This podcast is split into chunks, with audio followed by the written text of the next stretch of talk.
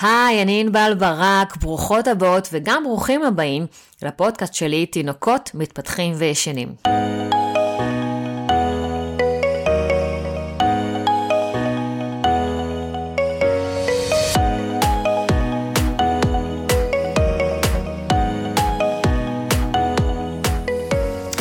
אני סופר מתרגשת, כי למרות שביומיום המקצועי שלי אני כבר שנים מדברת לקהל של אמהות ואבות במסגרת סדנאות, ייעוצים והרצאות, ולמרות שאני נמצאת במקביל בהמון פלטפורמות של מידע, אינסטגרם, פייסבוק, ערוץ יוטיוב, כבר כמה שנים שאני חושבת להיכנס גם לפלטפורמת הפודקאסטים, והאמת שגם המון שאלו אותי, איך אין לך פודקאסט? אז הנה, יש לי.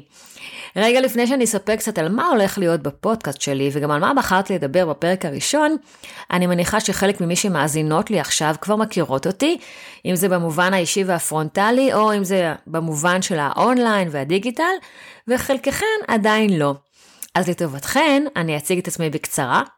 אז היי שוב, אני ענבל ברק, מדריכה ויועצת להתפתחות ושינה של תינוקות ופעוטות מגיל לידה ועד גיל שלוש שנים, ובעלת מרכז ענבל ברק שנמצא בכפר סבא. אני מעבירה סדנאות מגיל לידה ועד גיל שנה, חוגים לגדולים יותר עד גיל שלוש, ייעוצי התפתחות ויועצי שינה פרטניים, הרצאות לקהלי הורים, כשהכל בעצם מתבצע גם פרונטלית במרכז שלי, וגם במקביל באופן דיגיטלי ואונליין. כך שכל אימא ואבא מכל קצוות הארץ והעולם יכולים להגיע אליי בצורה כזו או אחרת, ללמוד, לקבל מידע, כלים, ולהוביל את התינוק שלהם להתפתחות איכותית, שינה טובה, ובכלל, חיים נעימים ושלווים עם מינימום קשיים.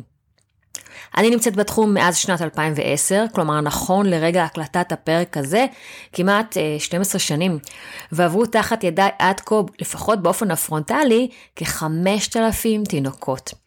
אם תוסיפו לזה את התינוקות שקיבלו אותי אונליין, תגיעו למספר הרבה יותר גדול, מה שאומר שפגשתי וטיפלתי בהמון סוגים, במרכאות, של תינוקות, ראיתי המון סוגים של מקרים ונתתי להם פתרונות.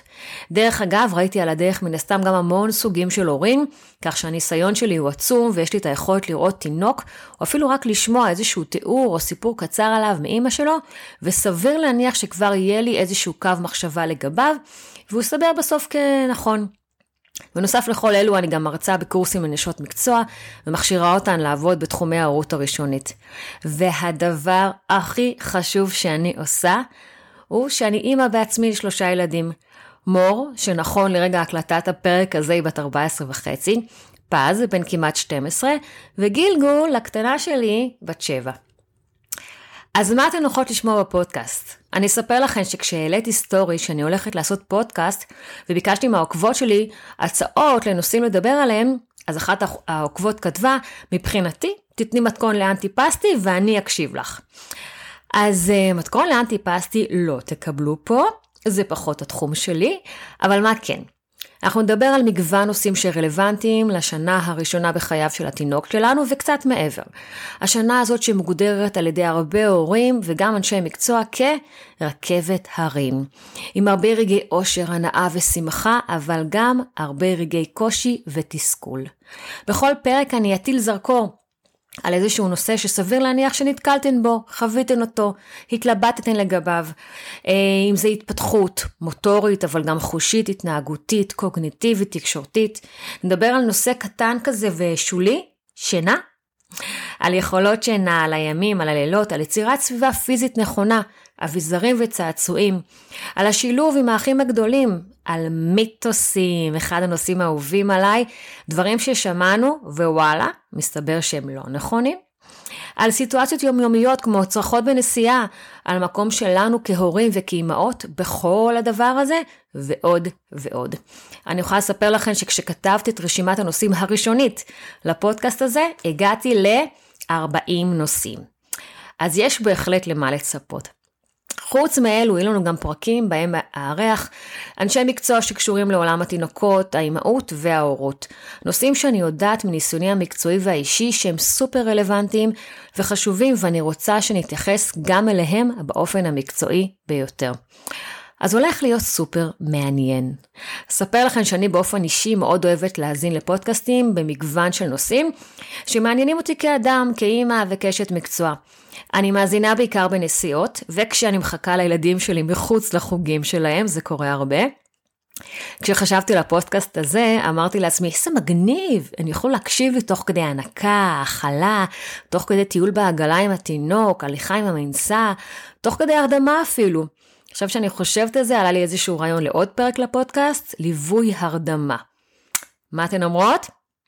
הקיצר, קחו אותי לאן שאתן רוצות, הקשיבו והאזינו.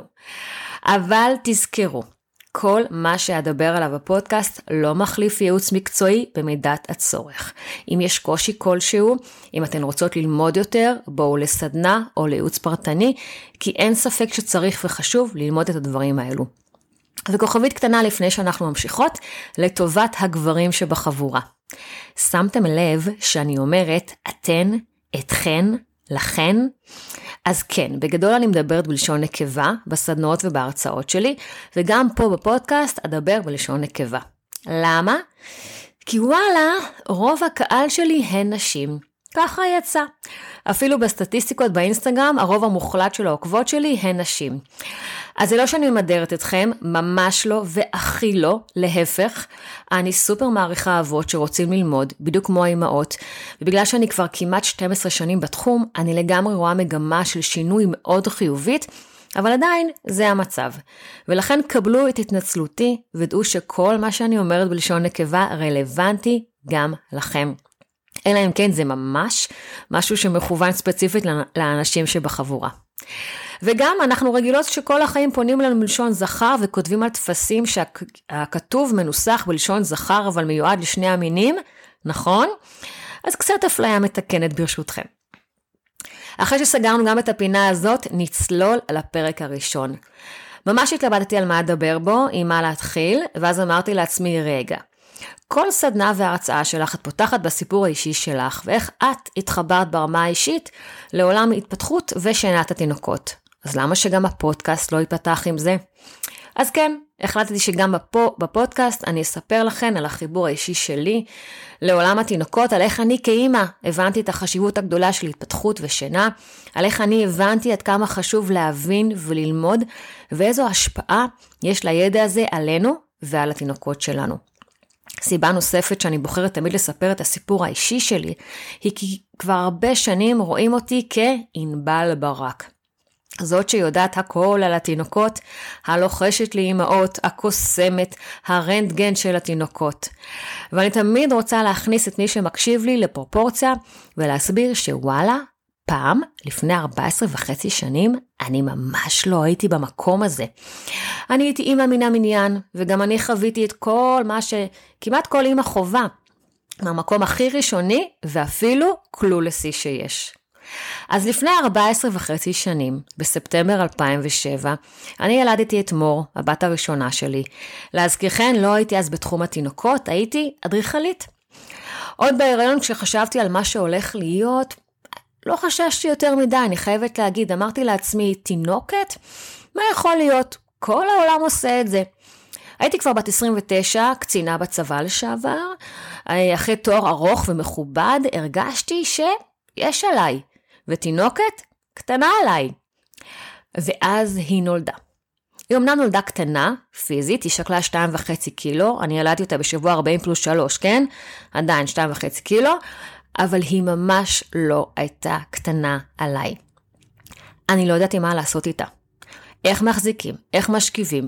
נבהלתי ממש מההמלצה של משרד הבריאות, אז השכבתי אותה רק על הגב. איזה פטן, מה פתאום כולם הולכים בסוף? את תהיי על הגב. זה מה שחשבתי.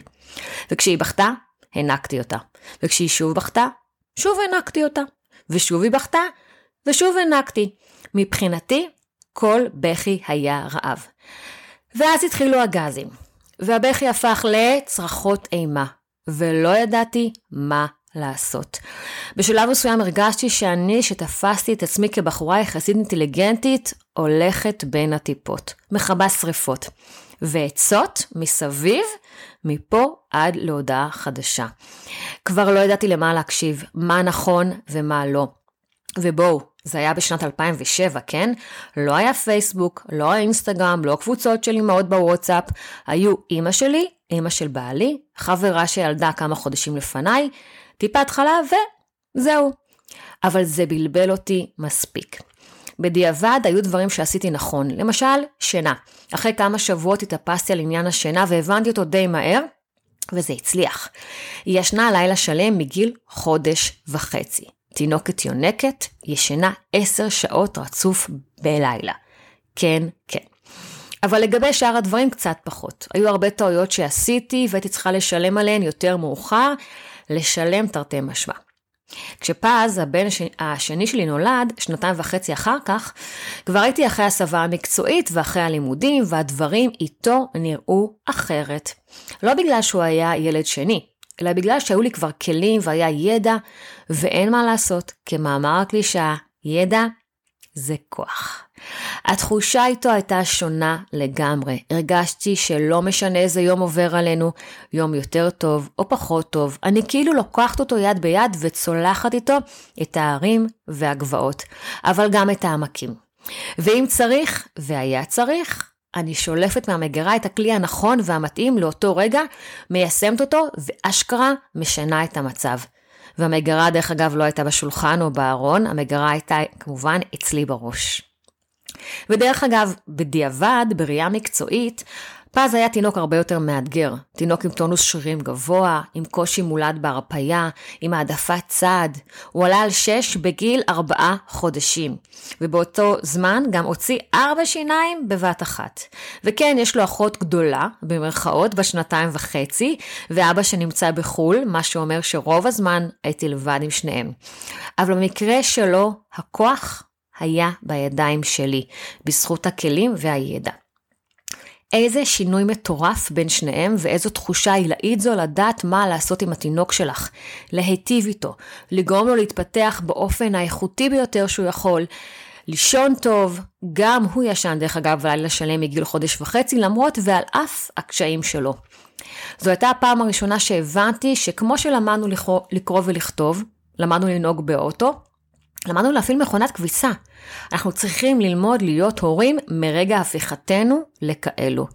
מאז, דרך אגב, לאורך השנים, כשפגשתי את כל אותם אלפי תינוקות והורים, ראיתי את המקרה הזה חוזר על עצמו גם אצלם. אמהות שהגיעו אליי עם הילד השני אחרי שחוו חוויה דומה לחוויה שאני חוויתי עם הראשון. כשיש בהן איזשהו רצון לחוויה מתקנת, לא רק ל... לתינוק שפתאום יקבל אימא שיודעת, אלא גם להן בעצמן, פתאום להיות אימא שיודעת, והן הצליחו בזה. אמהות שהגיעו עם אותו סיפור רק בילד השלישי או הרביעי עם חוויות דומות עם הגדולים יותר, וכמובן, גם אמהות שהגיעו אליי עם הילד הראשון, ובזכות הלמידה מההתחלה, פסחו על התחושה הזאת. הן מלכתחילה ידעו מה לעשות, איזה כיף. ונכון שזאת לא לחיצת כפתור, ממש לא והכי לא. ותמיד חשוב לי שאימהות ואבות יבינו את זה. זו עבודה יומיומית שדורשת דיוק, למידה מתמדת, לצד הקשיים האובייקטיביים. אבל כל דבר הכי קטן שתדעו ותבינו כבר ישים אתכן ואת התינוק שלכן במקום יותר טוב. אני ממש רואה את ההבדלים בין תינוקות שהתנהלו איתם נכון ומדויק לבין אלו שפחות. אני ממש רואה את ההבדלים בין האימהות. אין אפס, זה משפיע וזה עובד, וכאמור, מי כמוני יודעת. הייתי שם וחוויתי את ההבדל הזה בעצמי, עליי ועל הילדים שלי. ואני מזמינה גם אותך ואותך לחוות את זה. זהו, אה, עם הפתיחה המרגשת והעמוקה הזאת, אנחנו יוצאות לדרך. מעניין אותי כמה מכן אה, התחברו לסיפור האישי שלי. אתן מוזמנות לכתוב לי. אתן מוזמנות לחפש אותי גם באינסטגרם, ענבלברק.בייבי, בפייסבוק ענבל ברק, בקבוצת הפייסבוק שלי תינוקות מתפתחים וישנים, ובערוץ היוטיוב שלי.